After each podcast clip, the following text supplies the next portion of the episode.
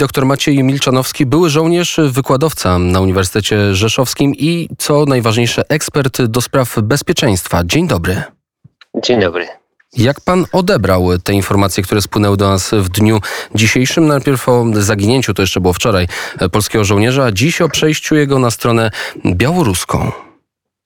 No, z pewnością jestem bardzo no, zaskoczony taką sytuacją, ale no im więcej się dowiadujemy, tym jakoś składa się to w pewien taki obrazek, czyli e, no, te ewentualne jakieś e, relacje, czy to znajomych, czy, czy, czy bliskich e, tam po stronie białoruskiej, tu jakieś kłopoty z prawem. Jeżeli to jest oczywiście wszystko prawda, to, no to wygląda, że, że no jakby strona białoruska miała pewną dźwignię tak, do wykorzystania i, i być może no, podjęto tu pewne działania wywiadowcze, żeby taką osobę pozyskać. E, wydaje mi się nie do końca chyba realne, żeby taka osoba tak po prostu sobie e, e, przekroczyła granicę tak, i znalazła się tam. Myślę, że być mogło, mogło tu nastąpić jakaś forma werbowania i no i wtedy, i wtedy, no jest to oczywiście wymarzona sytuacja dla E, Łukaszenki, który e, no, może teraz bardzo, bardzo propagandowo tego chłopaka wykorzystać. Czyli raczej nie wierzy pan w te informacje, które przekazywał sam były żołnierz, sam dezerter dla białoruskiej telewizji, jakoby po prostu pewnego dnia uciekł, zrzucił mundur i przekroczył granicę. A, nie, no to jego wersja jest najmniej wiarygodna w tym wszystkim, bo, bo przecież przechodząc tam, no, no to jest już przygotowywany po tamtej stronie, co i jak ma mówić. A więc oczywiście, że będzie e, przygotowany do tego, żeby mówić, że no tutaj wszystko źle się dzieje po tej stronie i on po prostu z, e, z dobrego serca tak przeszedł na tą dobrą stronę. To, to jest oczywiste, że ta wersja będzie płynęła z jego ust, ale tu, tu, tu, no to jest sprawa zupełnie oczywista, że to jest no, pewna gra, która w tej chwili po tamtej stronie będzie realizowana, dlatego że, tak jak mówię, to jest bardzo, bardzo ważny element propagandowy, kiedy zyskujemy nie tylko obywatela krajów, z którym jesteśmy w konflikcie, ale jeszcze żołnierza w służbie czynnej, który w mundurze występuje, no to to jest rzeczywiście bardzo mocny E, zabieg propagandowy, więc y, tam każda jego wypowiedź będzie teraz no, bardzo pieczołowicie przygotowywana, żeby no, pasowała do odpowiedniego kontekstu. Jednak żołnierza niskiej stosunkowo rangi, generał Roman Polko godzinę temu mówił na tenie Radia Wnet, że prawdopodobnie na tym już się skończy wykorzystanie tego człowieka, no bo przekazać informacji za bardzo nie może, gdyż prawdopodobnie ich nie zna. A jak pan uważa, co dalej z tym człowiekiem? Zgadza się. On no, z pewnością nie będzie przydatny tam e, do pozyskiwania informacji, ale wydaje mi się, że propagandowo będzie bardzo eksploatowany mocno, bo e, no, zarówno telewizja, radio, no tu będzie na pewno zapraszany do różnych programów. E, tak, tak, mi się to, tak mi się wydaje przynajmniej i będzie eksploatowany w taki sposób. Natomiast oczywiście, że e, wywiadowczo jego wartość no, nie jest bardzo wysoka, bo, bo no, to jest rzeczywiście żołnierz, e, powiedzmy, szczebla takiego, że no nie miał jakichś bardzo poważnych informacji, które mogłyby, e, nie wiem, dekonspirować jakieś nasze działania. Także tutaj nie, nie sądzę. Taktyka naszych jest także bardzo dobrze znana stronie rosyjskiej i białoruskiej, więc tutaj tego typu informacji po prostu nie, może zdradzić. Panie doktorze, wielka, wielka prośba. Ja wiem, że emocje nami targają, ale proszę telefon trzymać jak najbliżej twarzy, abyśmy mogli usłyszeć te wszystkie ważne słowa, które płyną z pańskich ust. Momentami były one zachwiane, ale myślę, że teraz już będzie wszystko w porządku. W takim razie, jak ta cała sytuacja według pana może i czy w ogóle może wpłynąć na bezpieczeństwo kraju? E, no, na pewno jest to element wojny informacyjnej. Jeżeli spojrzymy na działania właśnie hybrydowe i wojnę informacyjną, no to jest to ważny element tych działań. A więc e, z tego punktu widzenia jest to no, bardzo niefortunne wydarzenie.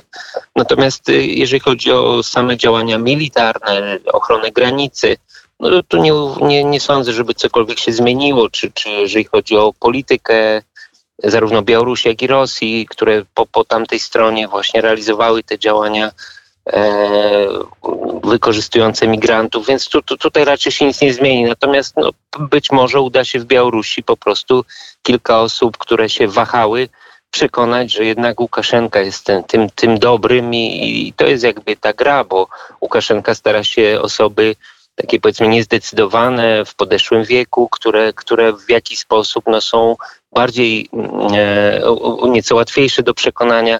On bardzo stara się, żeby jednak tą część społeczeństwa do siebie przekonać, żeby, no, żeby nie dochodziło znowu do takich buntów społecznych, z jakimi mieliśmy do czynienia e, kilka miesięcy temu. Pod koniec listopada, będąc pan gościem Radia Wnet, y, mówił pan, że zauważalnie kryzys na granicy polsko-białoruskiej chwilowo deeskaluje. W takim razie, czy nie jest tak, że ci gracze, o których pan wspomniał, gracze, którzy są na planszy, zmienili taktykę gry, gdyż y, tamta, poprzednia, nie przynosiła odpowiednich rezultatów?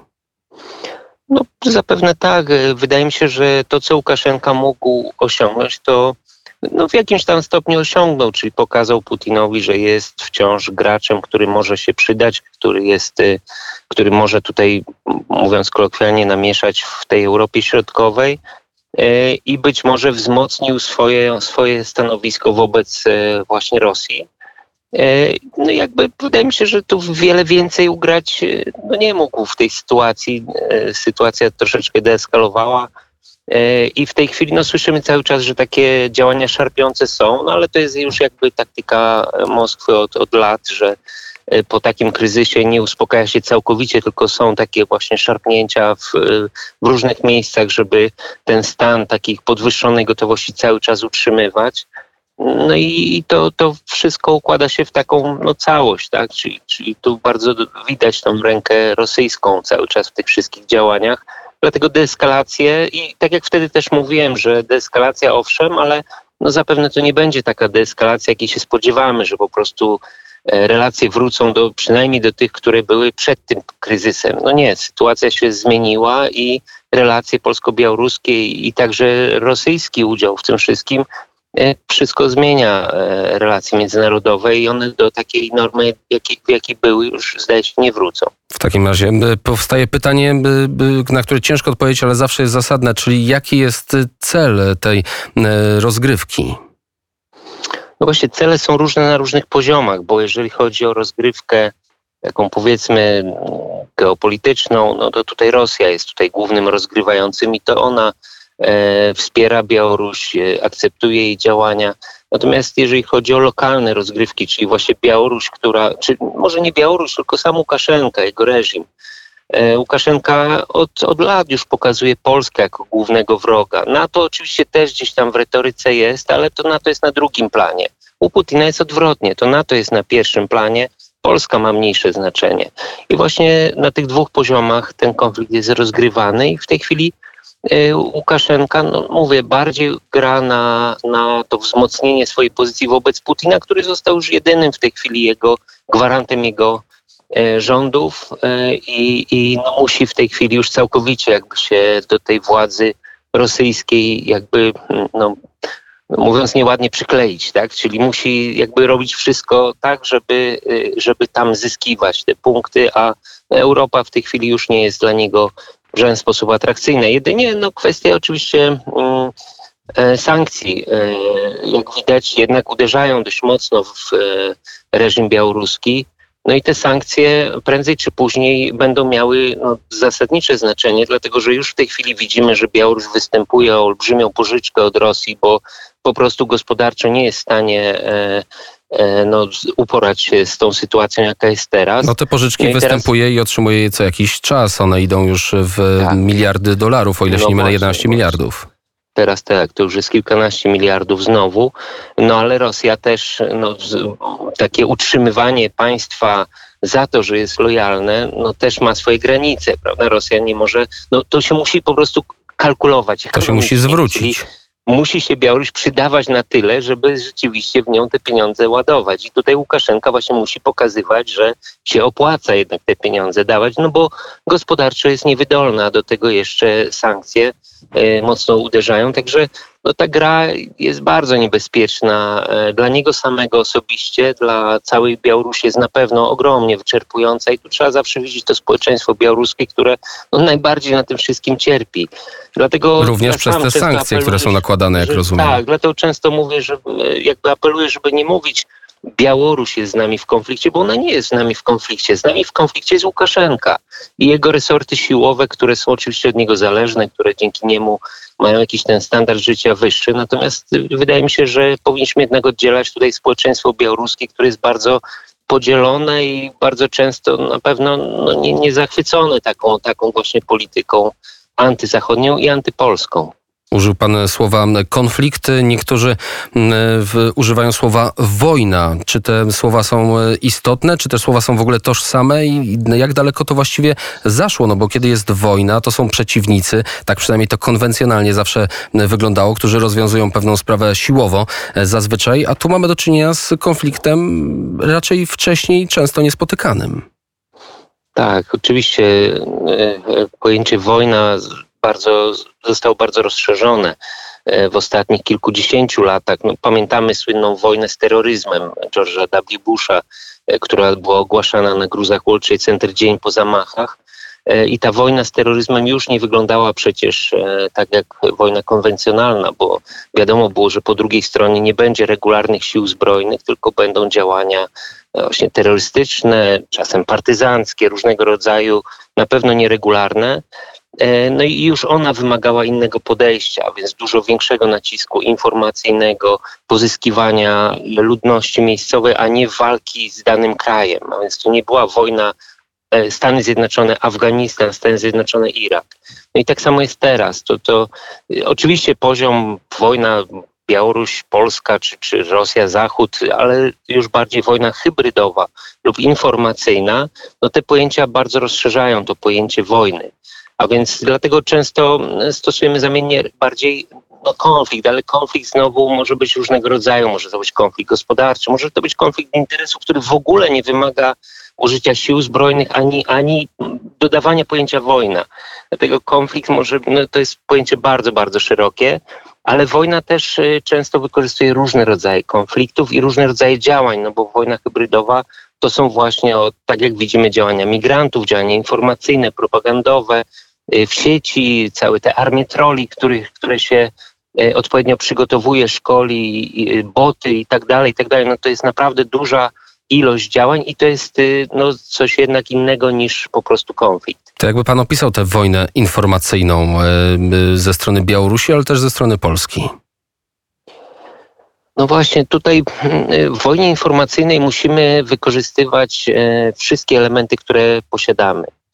E, I wydaje mi się, że nawet tak prymitywny reżim, jakim jest reżim Łukaszenki, e, no jednak e, wykazuje troszeczkę mm, dalej idącą refleksję niż czasami władze polskie, dlatego że no właśnie to zapraszanie dziennikarzy zagranicznych w sytuacji, kiedy no przecież no, dramatycznie widać było, że no Białoruś jakby no kreuje cały ten, ten konflikt, E, no, no to jednak on zaprasza CNN, BBC i stara się jednak e, pokazywać swoje takie pozytywne oblicze, a my no jakby odwrotnie, odcinamy dziennikarzy i, i, nie chcemy ich dopuszczać do... Oczywiście ja wszystkie zarzuty związane z dziennikarzami, opisywaniem jakichś tam absurdalnych historii znam, Niemniej jednak w rejonie konfliktu zawsze stosowaliśmy działania informacyjne i one są bardzo ważne, jeżeli porozmawiamy nawet z wojskowymi amerykańskimi czy, czy zachodnimi tutaj w Europie. Oni wszyscy bardzo mocno akcentują działania informacyjne. Wojskowi, a co dopiero politycy, którzy powinni naprawdę sobie zdawać sprawę, że dzisiaj bez działań informacyjnych, no bo komunikaty MONU to nie są działania informacyjne naprawdę. E, więc tutaj wydaje mi się, że no warto pewną refleksję jednak przyjąć i, i zmienić podejście, tym bardziej, że mamy przy, przygotowane pewne warianty działań w Iraku. Przecież mieliśmy akredytowanych dziennikarzy, którzy byli przygotowywani do relacjonowania z rejonu konfliktu. To nie było takie relacjonowanie jak, nie wiem, z demonstracji pokojowych, ale no pewne inne zasady tam e, oni przyjmowali. I wydaje mi się, że w tej wojnie informacyjnej bardzo ważne jest, żeby stosować jak najwięcej e, tych środków e, po to, żeby jej po prostu nie przegrywać, nawet w tak e, no, no, absurdalnym konflikcie jak z Białorusią, kto, czy z reżimem Łukaszenki, który no, przecież było widać, że, że no, cały ten, ten konflikt wykreował i to zupełnie sztucznie, no bo skąd migranci w Białorusi, z Iraku, Afganistanu, no, cała akcja była no, czytelna jakby no, gołym okiem, a jednak próbował informacyjnie przechylić tą szalę na swoją stronę, więc warto czy, to się, też... czy to się udało? Na pewno nie, ale samo to, że, że takie działania y, podejmował i że, i że jednak y, ci dziennikarze byli skłonni pojechać i, i jednak wydaje mi się, że samo to, że byli tam ci dziennikarze, to troszeczkę jednak ocieplało jego wizerunek. Tym bardziej, że pokazywano, a zobaczcie, a Polacy swoich dziennikarzy nawet odcinają od, od tego rejonu konfliktu, więc wydaje mi się, że to nie wyglądało dobrze. Ale zdaje się, że, że chyba ta refleksja wśród naszych władz się pojawia, bo, bo no, słyszę te zapowiedzi, że są różne pomysły, żeby różnego rodzaju tam o, taki obóz zrobić dla dziennikarzy, z którego będą relacjonować jednak, więc wydaje mi się, że gdzieś widzą rządzący, że, że to nie była dobra metoda. Mm, tak, y, jest to prawda, chociaż y, jak rozumiem, Straż Graniczna będzie pokazywać dokładnie to, y, co chce pokazać. Jak pan wspomniał, Afganistan, tam dziennikarze mogli właściwie pojechać prawie, że gdzie tylko chcą, czyli to będzie dostęp, Tak. ale mocno ograniczony. No w Iraku także. Ja miałem okazję być w Iraku i, i, i, i współpracowałem z dziennikarzami. Miałem wielu przyjaciół wśród dziennikarzy i widziałem jak działają, więc oni e, oczywiście mogli jechać gdzie chcą, ale z żołnierzami zawsze, no bo dziennikarz nie może w Iraku czy w Afganistanie nie mógł wtedy po prostu sobie wsiąść samochód i pojechać. Tak? No były takie przypadki, ale jak wiemy one się tragicznie kończyły. A więc dziennikarz e, zawsze był obok żołnierzy i obok niego był też e, jakiś oficer prasowy, jakiś rzecznik, e, który no, po, po prostu z nim był i, i w jakiś sposób też współpracował. Więc to wszystko też no, buduje pewien przekaz, który jest istotny, bo wtedy można e, porozmawiać z takim dziennikarzem o ewentualnych rzeczach, których no, nie chcemy jednak upubliczniać. Nie dlatego, że chcemy coś ukryć, ale dlatego, że coś może być korzystne dla po prostu strony przeciwnej. E, I wydaje mi się, że tutaj ten, ten dialog no, no może następować nie z pozycji partii politycznych, ale z pozycji właśnie wojska i osób kompetentnych, które mamy przecież całą sekcję piątą w każdej brygadzie, w dywizji mamy sekcję, która jest przygotowana do współpracy ze środowiskiem cywilnym. Mamy rzeczników prasowych w wojsku. Oni świetnie, mają świetne kontakty, potrafią rozmawiać, potrafią e, właśnie z dziennikarzami e, jakiś ten kontakt merytoryczny nawiązywać. I tu postawimy kropkę. Dziękuję serdecznie za te słowa. Doktor Maciej Milczanowski, były żołnierz, wykładowca na Uniwersytecie Rzeszowskim, ekspert do spraw bezpieczeństwa, był gościem popołudnia wnet. Dziękuję i do usłyszenia. Dziękuję bardzo. Dobranoc. Dobrej nocy.